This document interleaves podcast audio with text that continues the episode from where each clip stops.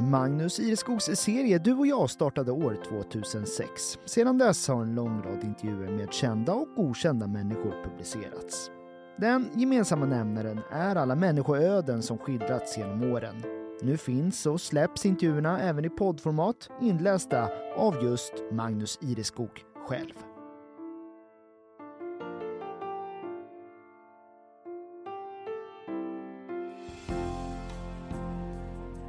Allam Al-Katea kom som flykting till Sverige från Syrien. Snart tio år senare är han rotad i det gotländska. Men det finns saker som förbryllar honom. Varför pratar så många illa om Gråbo? Här bor fina människor. Jag är stolt över att bo här, säger han i den här intervjun från maj 2023. Han har Östersjön omkring sig nu, men i begynnelsen var Eufrat. Floden tar fart i Turkiet och slår sig längs sin väg genom Syrien och Irak samman med Tigris innan den rinner ut i Persiska viken. Historisk mark. Floder omskrivna i såväl Bibeln som i Koranen. Inom islam är Eufrat den flod som härstammar från paradiset.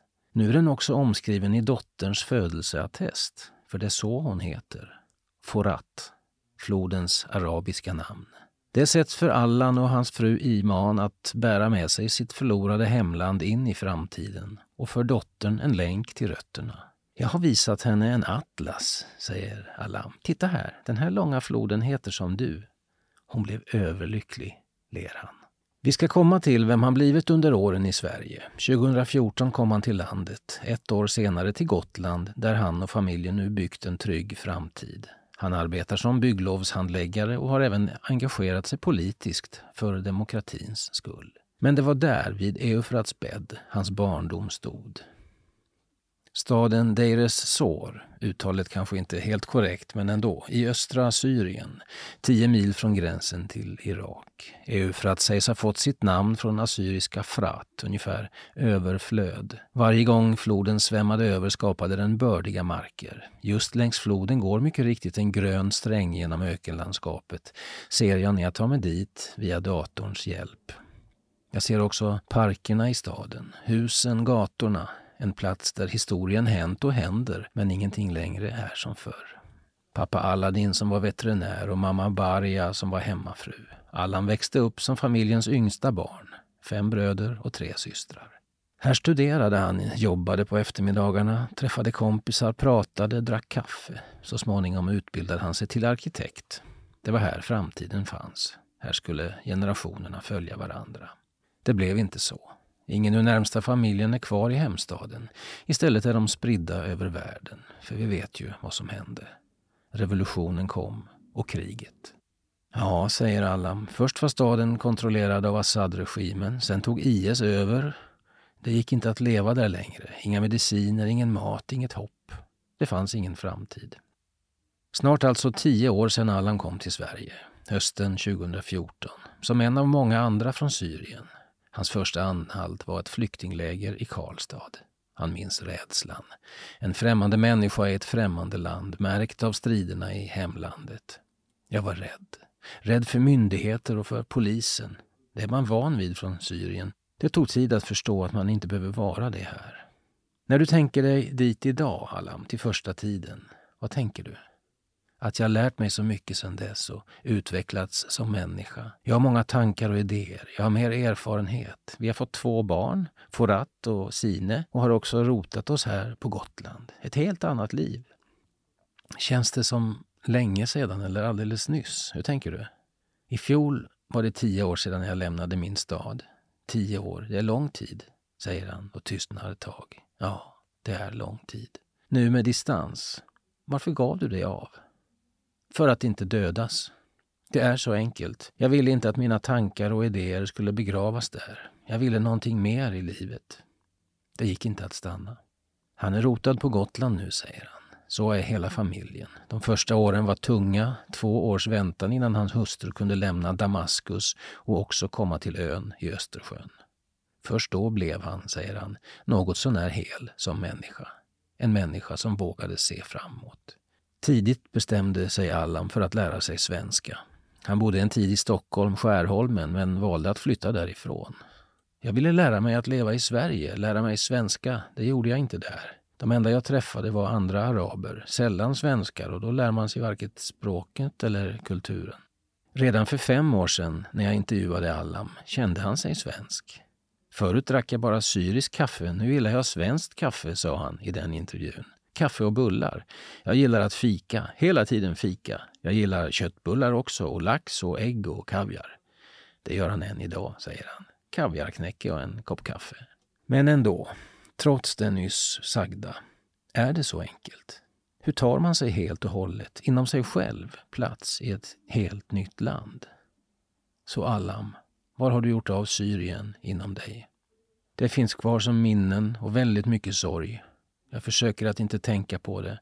Det gör ont i hjärtat att inte kunna komma tillbaka till min stad. Som det är idag finns det ingen möjlighet. Och mina syskon och mamma, jag saknar dem. Det gör ont inom mig, det också. Ursprungsfamiljen är spridd över världen. Mamma bor i Saudiarabien. Han har syskon där och i Turkiet. Några finns kvar i Syrien men ingen i Deres sår. De levde alla tillsammans. Ett år senare var familjen splittrad. Nu är det två år sedan han träffade sin mor. Det är precis det som händer nu i Ukraina, reflekterar han. Många familjer som splittras, familjemedlemmar dödas i kriget. Allt blir annorlunda efter det. Att Allam hamnade i Sverige var ingen slump. Faktum är att ett slags dröm rotades i honom redan som liten pojke. På bladet till en kniv bland pappas alla veterinärinstrument läste den 10-12-årige pojken de här magiska orden. Made in Sweden. Det kom att tända en aldrig slocknande låga inom honom. Jag frågade vad är Sweden och han berättade om ett land långt upp i norr. Det var därför jag sökte mig hit när det inte gick att vara kvar i Syrien. Han säger att han blivit så väl mottagen. Först i Hemse där han till en början bodde och nu i Visby. Men ändå. Flyktingens språk är tystnad och i det nya landet stod och står han delad i två. Många håller sig till sitt, men det behövs så lite för att bryta isen. Att säga hej och se varandra i ögonen är en bra start, säger han. Pappa Aladdin gick bort 2004. Det var han som lärde Allam om demokrati. Han hade ett stort bibliotek med tusentals böcker. Allam läste och läste och insåg att det fanns någonting annat än den diktatur de levde i. I Sverige lever han i frihet, även om kriget här har kommit närmare. Inte minst har upprustningen på Gotland tagit fart. Jaktplanen far över himlen och det dånar från Tofta skjutfält. Det sänder ibland sekundsnabba rysningar inom honom, men han håller emot. Jag vill inte känna mig rädd. Allt det där finns kvar inom mig, men jag vill inte tänka på kriget. Jag håller det från mig. I början kom skräcken tillbaka, men jag försöker ignorera det. Och jag vill inte föra över någon rädsla på barnen.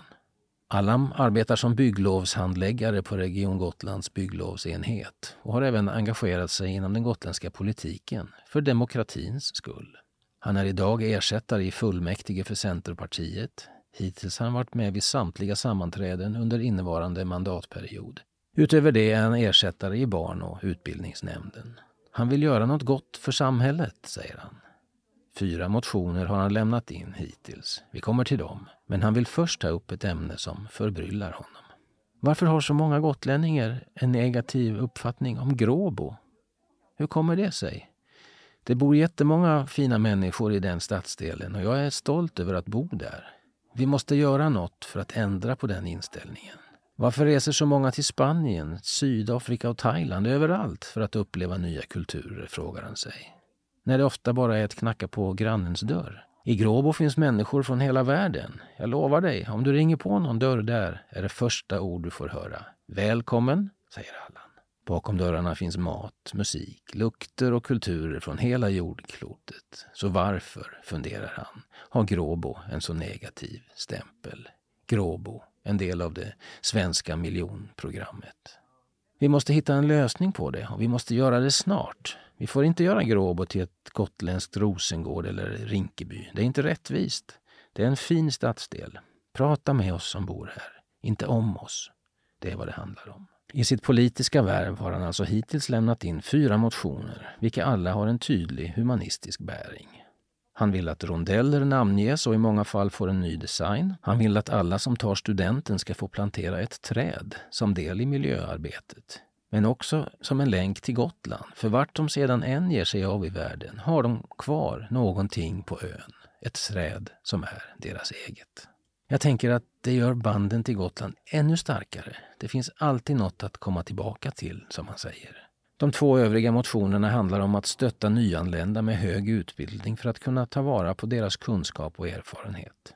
Samt att utbilda nyanlända i demokrati. Demokrati är inte bara att rösta i nästa val. Det är så mycket mer. Det är hela tillvaron, säger Allam. Många som flytt från diktaturer känner inte till det och behöver utbildning.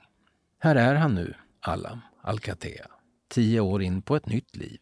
På Gotland finns hans och hustrun Imans framtid. Så känner han det. Inte en tanke finns på att lämna ön och dessutom är alla i familjen nu svenska medborgare. Vad barnen gör i framtiden vet ingen. De är små ännu och han hoppas ge dem en trygg och fin barndom och hopp inför framtiden. Kanske planterar de varsitt träd?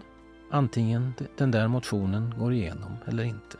Jag vill att de växer upp med båda kulturerna. Och så blir det naturligtvis. Vi äter mycket hummus och falafel hemma. Men ibland vill de ha korv och potatis som de får på förskolan. Och då får de det. Vi gör båda delarna. Och så vill jag att det ska vara.